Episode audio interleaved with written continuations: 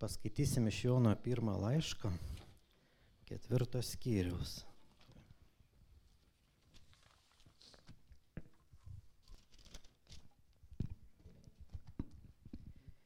Mylimieji, mylėkime vieni kitus, nes meilė yra iš Dievo. Kiekvienas, kuris myli, yra gimęs iš Dievo ir pažįsta Dievą. Kas nemyli, tas nepažįsta Dievo, nes Dievas yra meilė. O Dievo meilė pasireiškia mums tuo, jog Dievas atsiuntė į pasaulį savo viengimi sūnų, kad gyventume per jį. Meilė ne tai, jog mes pamilome Dievą, bet kad Jis mus pamilo ir atsiuntė savo sūnų kaip per maldavimą už mūsų nuodėmės. Mylimieji, jei Dievas mus taip pamilo, tai ir mes turime mylėti vieni kitus.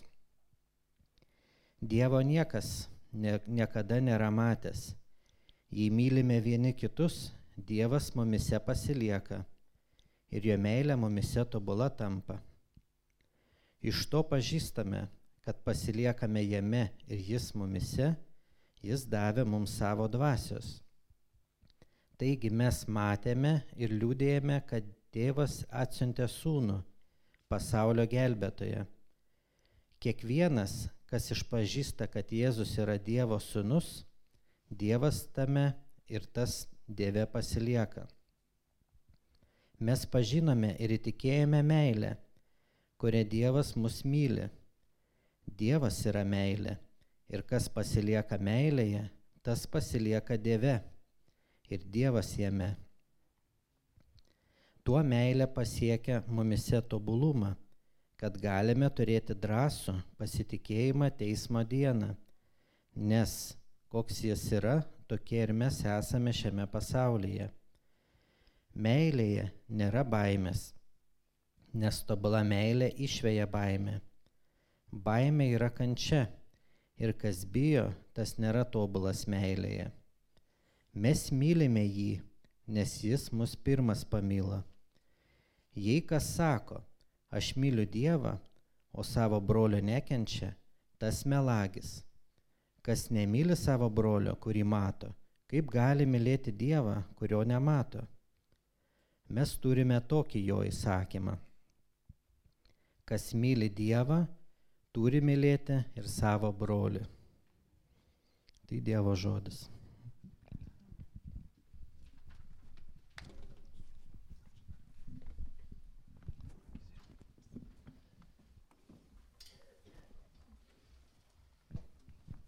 Sveiki gyvi, galim prisėsti visi.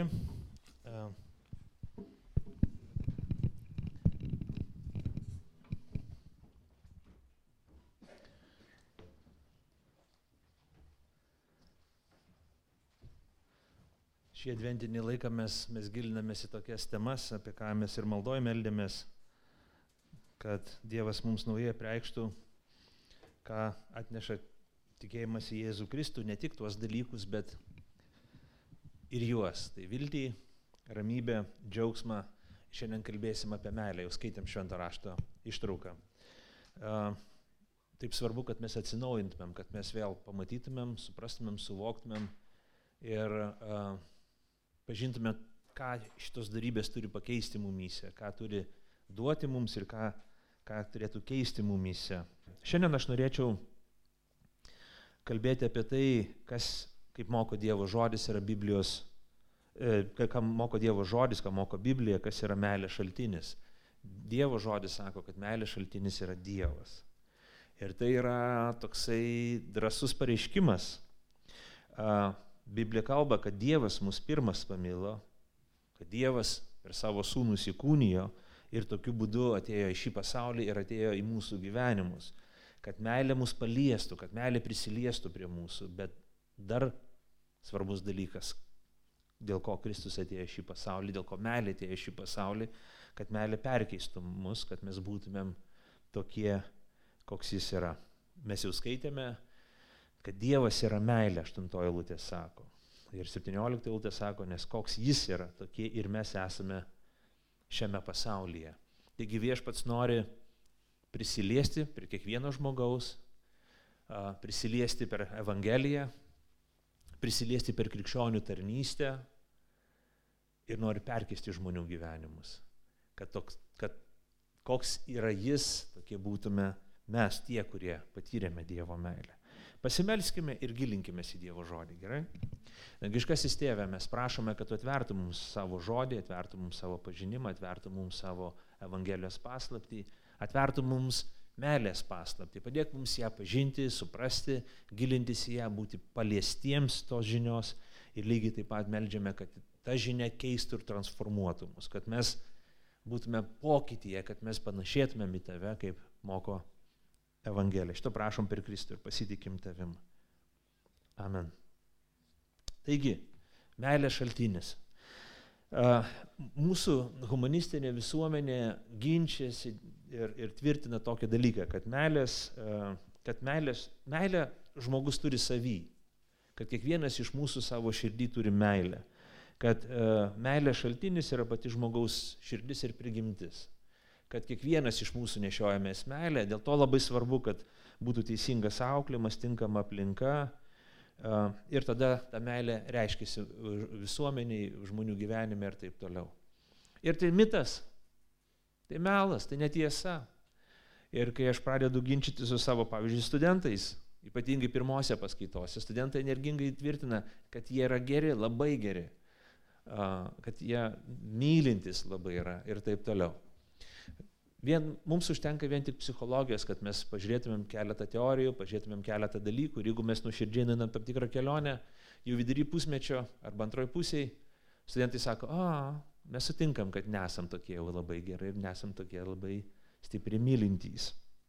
Iš dalies mes galim sutikti su tuo, kad auklėjimas ir aplinka, kad uh, um, iš Dievo malonės, Dievo maloniai veikiant, uh, padaro mus švelnesniais, geresniais žmonėm, kad mes būnam švelnesnio charakterio, paslaugesni, e, atjaučiantis kitus labai. Taip, jeigu mes gimstam šeimoje, kurioje kurio iš Dievo malonės yra puoselėmos šitos vertybės, mes tokiais labiau tampame, bet, e, bet mes nenorim čia šitoje vietoje, būdami Dievo namuose, skaitydami Dievo žodį, likti tokiais paviršutiniškais ir sakyti, a, nu, vat, mes geri, geri, vat, daugmaž mumsgi nesvarbu čia esminiai dalykai. Ne, net reikia gilintis per stipriai. Atvirkščiai Dievo žodis sako, a, palauk, palauk. Sūnau, dukra, gilinkime ir atraskim esmę, o Dievo žodis kalba apie tokį dalyką, kad, a, kad mes nesam tokie jau malonų žmonės. Taigi, dar viena mintis grįšiu, ko, ko nepaminėjau. Taip, kadangi auklėjimas padaro poveikį mums, dėl to mes už bažnyčios ribų galime atrasti malonesnių žmonių negu bažnyčiai, geresnių žmonių negu bažnyčiai. E, dėl to bažnyčia čia turėtų nuolankiai nusižeminti ir pripažinti, kad taip, aš sutinku nekrikščionių žmogų, kuris yra geresnis tėvas, geresnė mama, geresnis sutoktinis, geresnis pilietis, aktyvesnis darbuotojas negu aš, kad krikščionis esu. Ką man reikėtų daryti? Reikėtų sakyti, viešpatie Jėzau, aš noriu pokyčių, noriu keistis. Ačiū tau, kad tu priemi ne už darbus mane, bet iš savo malonės. Tebūnė tavo malonė daro darbą manį. Bet žiūrėkime, mes šitą vietą nepalikim to klausimo neatsakyto iki galo ir nebūkim perdėm malonų žmonės, tokie vengiantis konflikto, nenorėdami jo eskaluoti, tarytum, ai, paliekam viską, tu, tu tiki, kad žmonės geri, aš gal netaip visai tikiu, ai, nebe, neieškokim konflikto, važiuokim toliau ir kalbėkim apie kalėdinės dovanas, apie kur tu perki, kur tu parduodi, ką tu valgai ir o kur kalakutą pirkai? O tu po 5 eurus mokėjai už kalakutą. Visgi, paieškokim tos tikrovės, paieškokim tos uh, tiesos, ne, net jeigu jie nuliūdins kažkurio, į tiesą nuliūdins kažkurio žmonės ar mus pačius.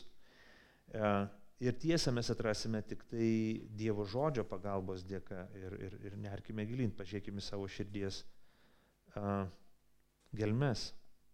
Taigi, Dievo žodis mums kalba, kad mūsų prigimties pamatas, mūsų, mūsų asmenybės kažkoks pamatas yra iš esmės dėl nuopolio fatališkai, iš esmės klaidingas ir, ir su, sugadintas. Kažkoks tai esminis brokas yra mūsų širdyse, dėl to viską sugriauna, viską suteršia. nuodėmė esanti mumyse. Tai didžiausia visų mūsų problema. Net jeigu mes kažką padarome geresnio, gražesnio ir išties gražesnio, geresnio, tai, tai yra suteršta nuodėmės, tai suteršta uh, savanaudiškumo, nusigrėžimo nuo Dievo, maišto prieš kurėją, puikybės, arogancijos ir taip toliau. Dėl to, kaip moko Kristaus mokslas, mes negebame mylėti. Mūsų meilė ribota. Mūsų rib, meilė ribota savo motivacija, kažkokiais ištekliais, resursais, kiek mes galime mylėti, kiek daug galime mylėti, gebėjimu arba apriptimi, kiek, kiek plačiai galime mylėti, um, tikslų būdų. Žiūrėkit, mes mylime išskaičiuodami, mylime iki tam tikros ribos, labai trumpos kartais, labai nekantriai. Mes mylime taip, kaip suprantame, kaip mums atrodo, kad čia yra meilė.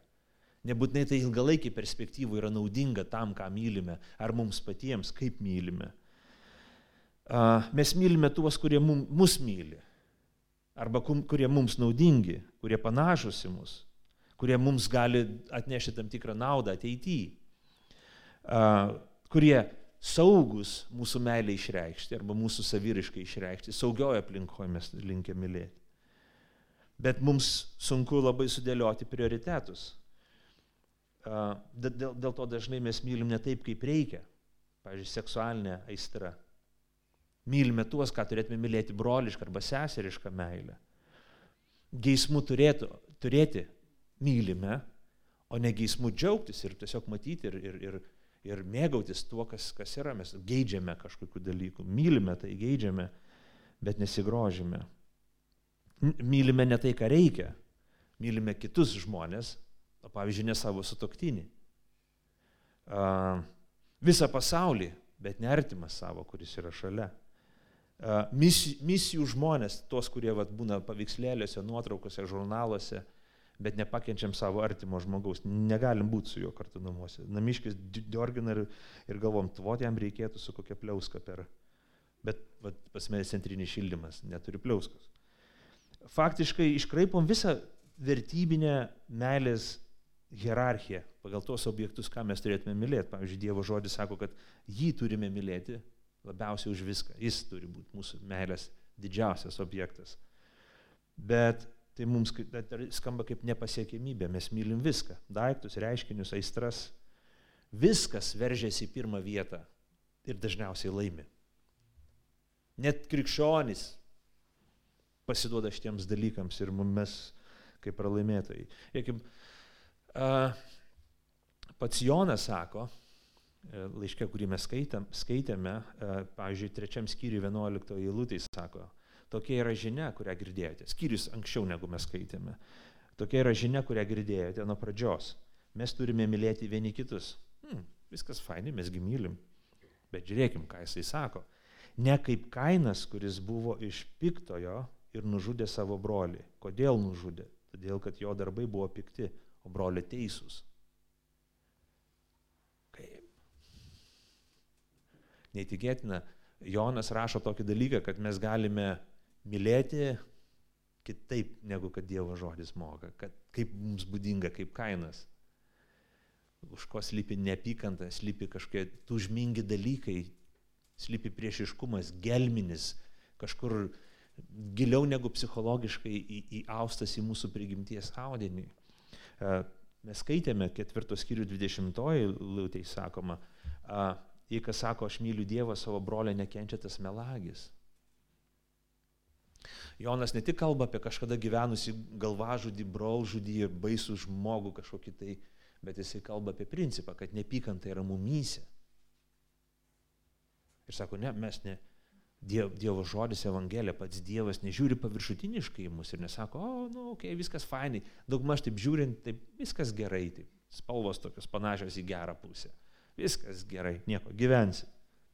Gal. Ne, ne, Dievo žodis grežiai mūsų širdis labai giliai, e, Dievo žvilgsnį.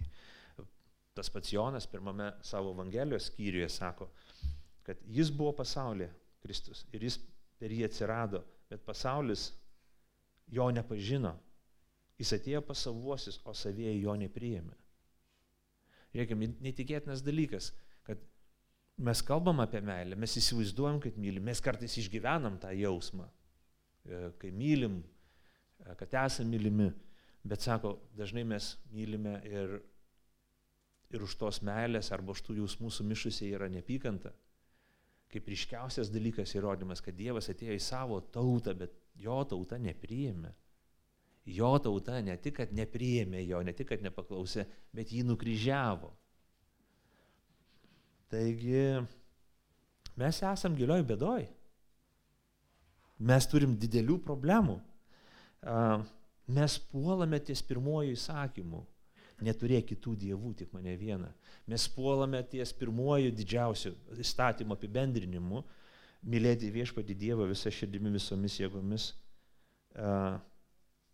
Ir savo artimą kaip save patį. Tiesiog kaip nepasiekiamomis kosminėmis aukštybėmis.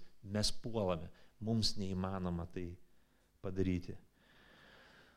Štai taip Evangelija kalba apie tai, apie meilę, apie jo šaltinį, apie tai, kad mes iš tikrųjų turim problemų.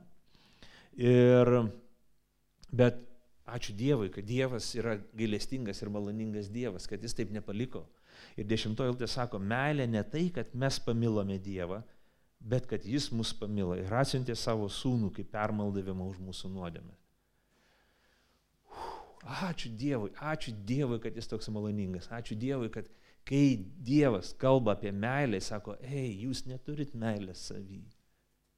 Ir tai mus žaidžia, tai mus užgauna, tai atskleidžia ne tai, kad tai šmeištas mūsų atžvilgių, atvirkščiai tai skaudi tikrovė, kuri, kuri mus, mums, mums parodo mūsų totalinį skurdą, mūsų bankrotą. Bet sako Dievas, aš nenoriu palikti šitoje vietoje kiekvieno iš jūsų, aš noriu pokyčio. Ir tada Meilė yra šitame pasaulyje. Bet meilė yra ne šio pasaulio, meilė yra iš Dievo. Dievas apstulbina mus, sakydamas, hei, jūs neturit sugeneruoti meilės, jūs ne, negalit jos išspausti iš savęs. Meilė ateina iš manęs. Aštuntai lūtė sako, Dievas yra meilė.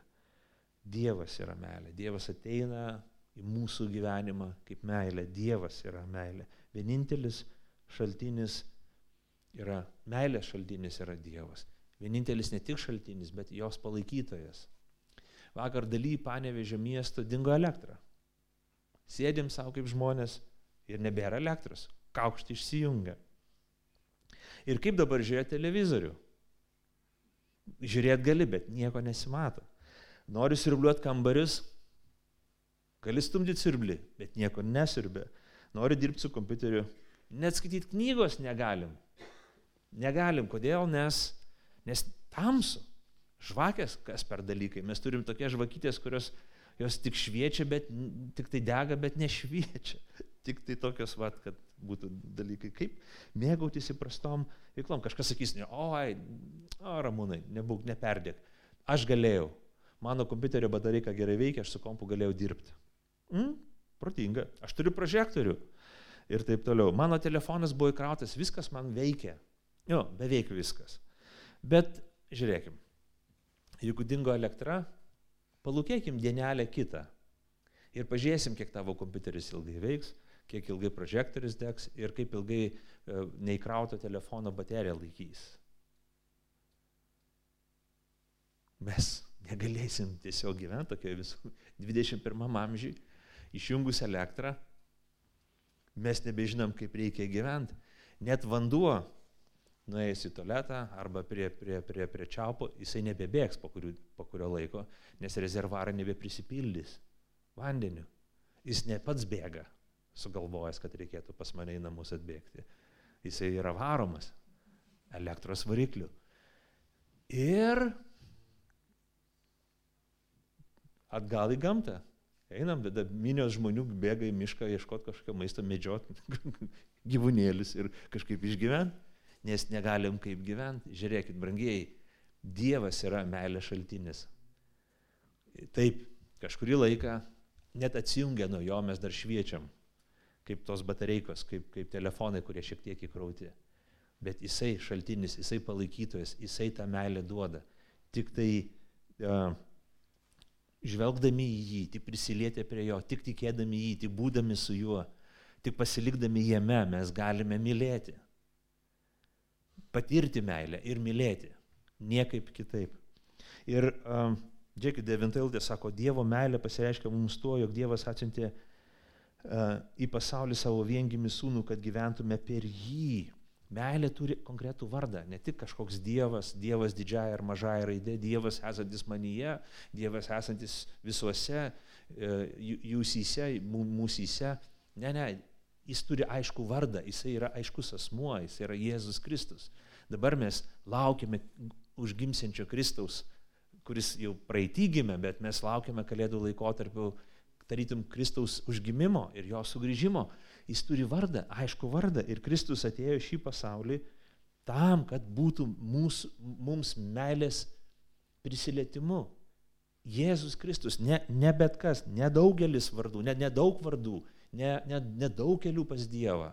Vienintelis kelias, vienintelis vardas, vienintelis asmuo Jėzus Kristus. Taip kalba Biblija. Mes galim tikėti, kuo norim ir galiausiai tikim gyvenime. Bet vienintelis būdas, vienintelis kelias, vienintelis asmuo, vienintelis meilės vardas yra Jėzus Kristus.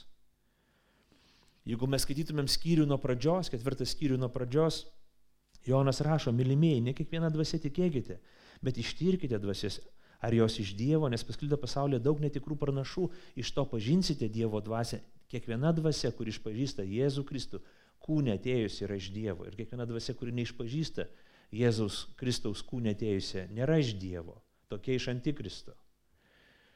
Raštas labai aiškiai kalba, kad krikščioniškas tikėjimas, krikščioniška pasaulyje žiūra remiasi Jėzų Kristų, jo ateimą jo vardą, jo asmenį. Jis yra meilės įkūnymas. Jis yra meilės kelias mūsų gyvenime. Um, 8, 9, 10 eilutės kalba apie tą Kristaus įkūnymą. Ir žiūrėkit, čia labai svarbus dalykas. Jėzus gimė į šį pasaulį ne tam, kad, nu, fainai būtų kalėdų laikotarpiu.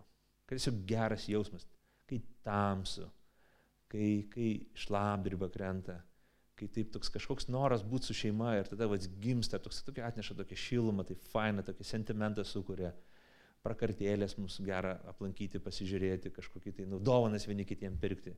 Net ne toks Kristaus ateimo tikslas, jo ateimo tikslas, jo ateimo kelias, jo, kodėl jis atėjo šitą pasaulį, yra tai, kad jis būtų permaldavimo auka, žiūrėkit, meilė, dešimtai lūtė, ne tai, kad mes pamilome Dievą, bet kad Jis mus pamilo ir atsiuntė savo sūnų kaip permaldavimą už mūsų nuodėmės. Kūdikėlis Jėzus, kuris gimė ir pagulytas buvo edžiose, jis gimė tam, kad būtų auka už tavo ir mano nuodėmės, kad būtų pakaitalas už tavo ir mano nuodėmės, kad ant jo Dievas išlietų savo rūstybę jis yra tikrasis Izokas, kuris ne tik bus nuvestas prie kalno, ant kalno ir paguldytas ant aukuro, bet kuris bus paskerstas. Jis yra tikroji varinė gyvatė, kuri, kuri ne tik, kad iškalta iš vario buvo pakelta dykumoje, kad, kad kiekvienas, kuris žvelgia į jį, būtų pagydytas, bet jisai savo kūnų, savo krūjų, savo kančia buvo iškeltas ant kryžiaus, kaip kenčiantis Dievo tarnas. Jis yra Dievo vinėlis, kaip Jonas užrašo savo Evangeliją apie Joną Krikštę, kuris sako, štai ateina Dievo vinėlis, kuris naikina pasaulio nuodėmę. Jėzus Kristus ateina į šitą pasaulį, kūdikėlis gimsta į šį pasaulį, Dievo sunus ateina į mūsų žemę, pats Dievas įsikūnė su aiškiu tikslu, su aiškia misija, su aiškia prasme - mirti už šį pasaulį. Dėl to, kai mes žiūrime į kūdikėlį, žiūrime įsikūnymo stebuklą, mus turėtų nu, nupurtyti šiurpas, mus turėtų sukrėsti tą žinią. Mes turėtumėm tose akise pamatyti kažko, kažką daugiau, kažką kosmiškai didelio, nepriepiamo, nes jis gimė tam, kad mirtų. Jis gimė tam, kad būtų auka už tave ir už mane, už mūsų negebėjimą mylėti, už mūsų maištą prieš meilę, už mūsų sąmoningą atsiskyrimą nuo Dievo, už mūsų tą šakelės atsikapojimą nuo, nuo kamieno ir sakymą, aš esu nepriklausomas, man nereikia elektros, aš pats šviečiu iš savęs, aš pats gebu generuoti šviesą. Už tai Dievo sūnus turėjo būti paukotas ant kryžiaus. Ir jo kryžius, Kristaus kančia yra didžiausia meilės išraiška, tai tikroji meilė. Mums sunku suvokti, o, oh, on, dovanas didžiausia meilė, kažkoks gėris, kažkokia pakel, pakelta emocija ir taip toliau, ne, ne, ne. Bet tik tai Kristaus mirtis, tik Kristaus kančia galėjo dovanoti mums tas dovanas, kurios ir mums priklauso Jėzuje Kristuje. Pakalbėkim dabar apie tą meilės tikslą. Taigi mes sakom, atpirkimas, jis atėjo, kad atpirktų mus. Kristus atėjo, kad kiekvienas patikėjęs galėtų būti priimtas, patirtų Dievo meilę, kad jam būtų atleista, kad būtų atgimdytas, priimtas, pažintų Dievą ir būtų perkeistas. Žiūrėkim, 17 iltė kaip gerai skamba. Ako, to, to meilė pasiekia mumise tobulumą, kad galime turėti drąsų pasitikėjimą teismo dieną, nes koks jis yra, tokie ir mes esame šiame pasaulyje. Žiūrėkit, koks ambicingas Dievo, dievo sumanimas yra. Dievas nori puolusi, nusigręžusi, pasimetusi, stabus garbinantį žmogų gražinti atgal į prieš nuopolį esančią būseną. Jis nori, kad žmogus, kuris dabar nusigręžęs nuo jo, pažvelgęs į Kristų, priemęs jo Evangeliją, patikėjęs jo Evangeliją, priemęs jo Evangeliją, išpažinęs Kristų savo viešpačiu ir sekdamas paskui Kristų taptų toks, koks buvo prieš nuopolį. Kad jis būtų toks, koks yra pats Dievas, kad jis būtų Dievo atstovas šito žemėje, kad jis elgtųsi taip kaip Dievas, kad sumanė jį elgti šito žemėje, kad jis būtų Dievo atspindy šito žemėje. Štai koks Dievo sumanimo tikslas. Dievo sumanimo tikslas ne tik tai paliesti, patir, koks aš geras. Turėk tą jausmą, prisimink tą jausmą. Čia tik tai pradžia jo darbo, tik tai užuomina, tik tai kvietimas, tik tai žinutės palikimas, bet tikrasis dialogas, tikrasis, tikroji bendrystė yra transformacija ir per perkeitimas.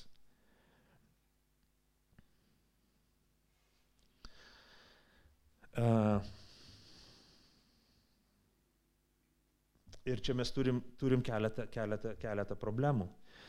Keletą problemų. Kultūra ir mūsų supratimas, mūsų žmogiška prigimtis to nelabai gali primti. Iš vienos pusės mes galim sakyti, aš nežinau, man tiesiog net nesigauna, nesigauna mylėti, man nesigauna gyventi, nesigauna, aš neturiu to jausmo. Va tu, Ramūnai, kalbi, kalbi, tai tau, va, matosi, natūraliai viskas gaunasi, bet aš, va, ne, man nesigauna.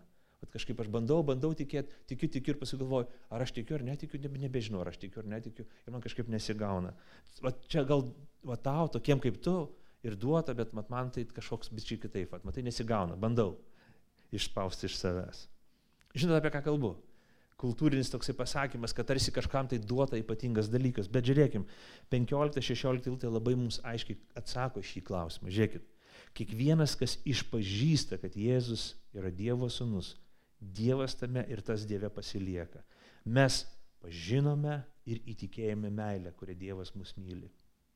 Tik žiūrėkime, trys dalykai, kurie labai svarbus mūsų gyvenime yra. Kaip mes galime pažinti Dievo meilę, kaip mes galime įtikėti Dievo meilę, kaip mes galim ją patirti ir aukti joje. Tai pirmas dalykas - įtikėti ją. Įtikėti. Skelbiama Evangelijos žinia, skelbiama žinia apie Jėzų Kristų, Sakai, tikiu, aš tikiu. Tai mūsų apsisprendimas, tai nėra kažkoks nevalingas veiksmas, tai yra valingas apsisprendimas. Jo, aš tikiu. Man kyla klausimų, atsakykit man į klausimus, šitą klausimą. Aš tikiu. Taip, tai mane įtikina, aš tikiu. Kitas dalykas, sako, išpažįsta, kiekvienas, kuris išpažįsta. Net neužtenka tik sakyti, tikiu, kažkur, va, taip kažkur galvoju, o, jo, jo, beveik tiesa, jo, jo. Ne, ne, reikia išpažinti, kad Jėzus Kristus yra viešpats, kad Jisai yra kelias, kad man reikia jo atleidimo ir malonės, kad man reikia paprašyti jo, išpažinti, sakyti viešpatė Jėzau, atleisk man už mano nuodėmės ir dovanok man gyvenimą, atverk jį man, atnaujink mano bendrystę su tavim, jeigu aš buvau nupuolęs, arba padėk man pradėti bendrauti su tavim, jeigu aš niekada nesu bendravęs. Ir galiausiai pažinimas, Dievo pažinimas, trečias dalykas, kad mes turime pažinti jį. O tai jau nesibaigiantis procesas. Mes pradedame suvokti, suprasti, o paži Dievo pažinimas tai yra intimus bendravimas su Dievu. Tai yra atgimimas iš jo, tai ir jo kognityvinis, intelektualinis, protinis pažinimas, bet lygiai taip pat ir bendrystė su juo. Prisimenam, aš esu minėjęs, šventas raštas kalba, kai Senam testamente kalba apie tai, kad vyras ir moteris intimiai saveikauja, lytiškai santykiauja, šventam rašte pasakyta, jie pažino vienas kitą. Pažinti Dievą, naudojamas tas pats žodis. Pažinti Dievą tai reiškia intimiai bendrauti, tai reiškia būti su juo, reiškia, reiškia susilieti su juo, reiškia būti vienas su juo. Kas sako, aš Dievą pažįstu, brolio savo nekenčia, jis yra melagis, neįmanoma būti jungtyje su Dievu ir gyventi nepykantai. Tai neįmanoma. Taigi, žiūrėkim, trys dalykai, kaip mes galime išjudėti iš mirties taško, patirti Dievo meilę, pasikeisti savo gyvenime. Pirmas dalykas - įtikėti, išpažinti ir paskui ką daryti? Pažinti Dievą, pažinti jį, pažinti, tai nesibaigiantis dalykas. Ir tada sako, žiūrėkim, sako, tada mes turim užtikrintumą, mes turim užtikrintumą, kad, kad mes teismo dieną turim pasitikėjimą prieš Dievą. Drąsų pasitikėjimą, 17, tai grįžkim prie jos. O tuo meilė pasiekia mumise tobulumą, kad galime turėti drąsų pasitikėjimą teismo dieną, nes koks jis yra, tokie ir mes esame šiame pasaulyje. Drąsus pasitikėjimas. Dievo žodis mums sako tokį daiktą krikščionis, tas, kuris pažino Kristų, neturi nieko bijoti. Nieko. 18 eilutė sako, kad meilė išvėja baimę, baimė yra nepykanta, jis nieko neturi bijoti. Senas testamentas kalba, kad mes turim bijoti Dievo, tai reiškia gerbti jį, pripažinti, kad jis yra ir gyventi atitinkamai. Bet baimė, kuri, kuri paniška, kuri, kuri iš principo yra anti Dievo baimė, ji neturi gyventi mumyse. Mes turim pasitikėjimą, Evangelija išgydo nepasitikėjimą, neužtikrintumą. Kas bus, jei dabar mirsiu? Kas bus po mirties? Kas bus, jei atsistosiu Dievo akivaizdon? Kas bus, kai atsistosiu Dievo akivaizdon? Kas bus, kai Dievas teis? Kas bus, jei Dievas teis? Ir jeigu mes įtikėjom, jeigu mes išpažinom, jeigu mes pažįstam Dievą, viskas. Mes turim užtikrintumą. Aš turiu ramybę. Ir vėl mūsų kultūra sako, tau negerai su galva, varštelė atsisuko, susirink, eik, padėsim tau, paieškosim, kur tie tavo varštai išsibarstė, papasakok apie savo gyvenimą, ko jis toks nevykęs. Ar kasgi gali galvoti, kad jisai gali su Dievo akivaizdon ir būti ramus, nu, kad negerai su galva, kas, kam tu čia priklausai, kas tu smegenis išplovė. Bet žiūrėkim, Dievo žodis šitų dalykų mus moko. Kultūra mums sako, Mūsų lietuviška panevežio kultūra mums sako, mes negalim žinot, nieks negryžo, nieks nežino, nėra neužtikrintumas, yra baimė, yra dalykai, tu čia negali sakyti, nebūk pasikėlęs, nekalbėk taip. Ne, bet Evangelija sako, mes turim užtikrintumą. Štai kodėl krikščionių bažnyčia tais amžiais, kai buvo užrašoma šitie žodžiai ir tais laikais, kai jinai atsigrėžė Evangeliją, visą ką buvo drasi, be baimė bažnyčia, kuri nieko nebijojo. Nieko nebijojo. Nieko nebijojo tik tai Dievo. Jie nebijojo eiti pas rapsuotus, nebijojo eiti į už jūrų marų keliauti, jie nebijojo pagulyti savo gyvybės. Nes, kodėl? Yra sąlyga, kaip mums turėti tokį užtikrintumą, sako, nes koks jis yra tokie ir mes esame šiame pasaulyje. Kaip tą užtikrintumą mums gauti? Mums reikia gyventi taip, kaip moko Evangelija. Neišeina tik protiškai išpažinti, tik sakyti, a, aš ten kažkur esu, e, nu, va, sutinku su kai kuriais e, krikščionybės argumentais, bet užtikrintumo nėra ir negali būti. Nes tu turi gyventi, tu būti turi toks kaip Dievas. Evangelija turi prasiskverbti į visas tavo gyvenimo sritis, kad tas užtikrintumas tavyje būtų. Dėl to, kai krikščionis neturi užtikrintumo, tai rodo vieną dalyką. Kad jie patikėjo tik dalim Evangelijos, tik kažkurios dalykus jie priema bet tai neapima viso jų gyvenimo, tik kažkurias rytis. Bet gyvena toliau kaip gyvena, gyvena taip, kaip kultūra moko, gyvena taip, kaip įpratę. Ir tada nėra užtikrintumo. Ir čia mums neišeina taip sakyti, kad, o, nu kažkaip čia melsiuos už tave, kad užtikrintumas ateitų. Ne.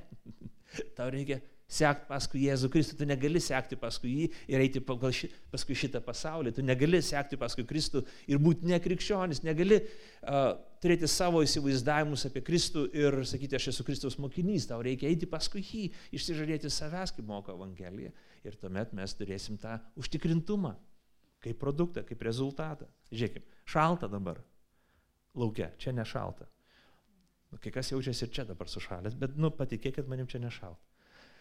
Uh, bet išėjus į lauką mums reikia šiltų rūbų. Ir uh, sakai, o, aš matau, reklamuoja labai gražią kepurę, labai šiltą. Nusipirksiu ją, išspręsiu visas problemas. Sėkmės. Užsidėk kepurę, eik į lauką. Sušalsi. Nes neužtenka tik kepurės. Reikia palto, reikia šiltų batų, reikia šaliko, reikia pirštinių, mėgstinio, kelnių šiltų, reikia visko. Taip ir mes galvojam, kad aš ateisiu pas Dievą, kažką šiek tiek paimsiu, kažką šiek tiek pagriepsiu iš jo, kažkur šiek tiek paprašysiu ir tada turi būti viskas ateiti. Ne, ne, ne, taip nebūna. Ne, ne, ne, tu ateini pas Kristų ir sakai, aš išgirdau Evangeliją, mane tai įtikino, Kristų, aš noriu, noriu tikėti. Tu išpažįsti. Aš, aš noriu sekti, noriu pažinti tave, noriu būti su tavim, noriu eiti paskui tave.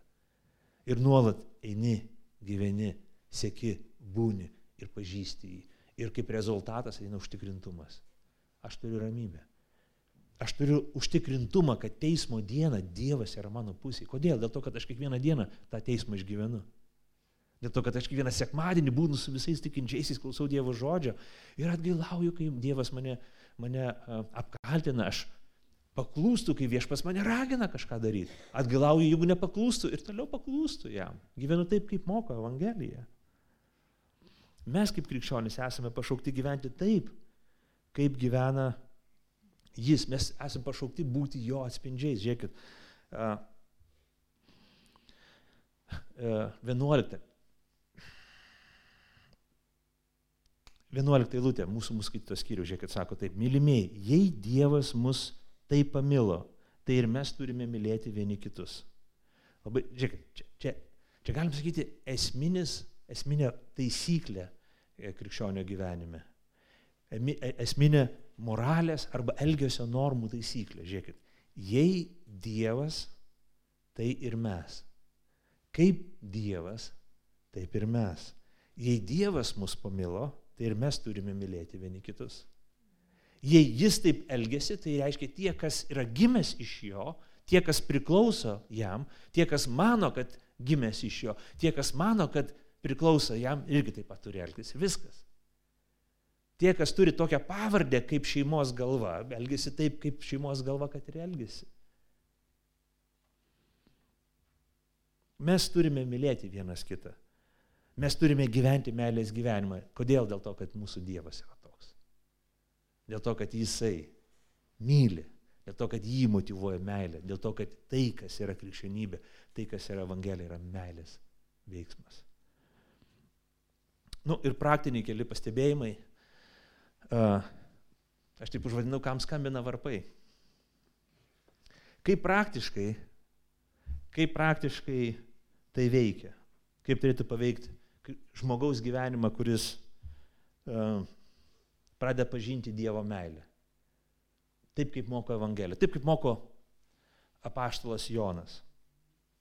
Taigi pirmas dalykas, mes jau šiek minėjom, tai bus įveikta meilė, e, baimė bus. Jeigu mes patyrėm Dievo meilę, pažinom Dievo meilę, pasiliekam Dievo meilį, baimė yra įveikiama. Žiūrėkime, 17-18. Meilė tuo mumise pasiekia tobulumą, kad mes galime turėti drąsų pasitikėjimą teismo dieną. Nes koks jis yra, tokie ir mes esame šiame pasaulyje. Meilėje nėra baimės, nes tobula meilė išvėja baimę. Baimė yra kančio, kas bijotas nėra tobulas meilėje. Taigi gimęs iš jo, jį tiki, jį pažįsta ir jisai nustoja bijoti. Tai, žiūrėkime, labai svarbus dalykas, jeigu mes patiriam Dievo meilę, jei mes pažįstam Dievo meilę, mumise dinksta baime. Mumise, dabar kalbu ne apie begėdišką elgesį kažkokį, apie tą tipo, nekompleksuotą elgesį, kai, kai žmogus hamiškai elgesi, ne apie tai kalbu, bet dinksta teismo baime, dinksta žmonių baime, ką kiti pagalvos, bet atsiranda melė, drąsa pasitikėti viešpačiu, daryti gerus darbus taip, kaip moko viešpats, gyventi taip, kaip moko Evangelija. Antras dalykas, kad tas, kas pamilo Dievą, kas pažino Dievo meilę, jisai nustoja mylėti šį pasaulį. Antras skyrius to paties Jono, pirmo Jono laiško, 15 eilutė. Nemylėkite pasaulio, nei to, kas yra pasaulyje, nes jei kas myli pasaulį, nėra jame tėvo meilės, nes visa, kas pasaulyje yra kūno geismas, akių geismas ir gyvenimo išdidumas. E, o tai nėra iš tėvo, bet iš pasaulio. Taigi žiūrėkim, įveikia Dievo meilė mumysiai išvėja ištumė baimę, bet lygiai taip pat mumyse atsiranda drąsa, pasitikėjimas, išvalga, gebėjimas atsispirti šio pasaulio dvasiai, geismams, šio pasaulio tikslams. Mes pradedame matyti, kad yra du keliai, ne vienas kelias. Kol mes nepažinom Dievo kelio, mes galvom, kad yra vienas iškus kelias. Bet kai mes pradedam pažinti Dievo, dievo meilę, mes pradedam suvokti, kad yra du keliai. Yra savo meilės kelias, yra Dievo meilės kelias.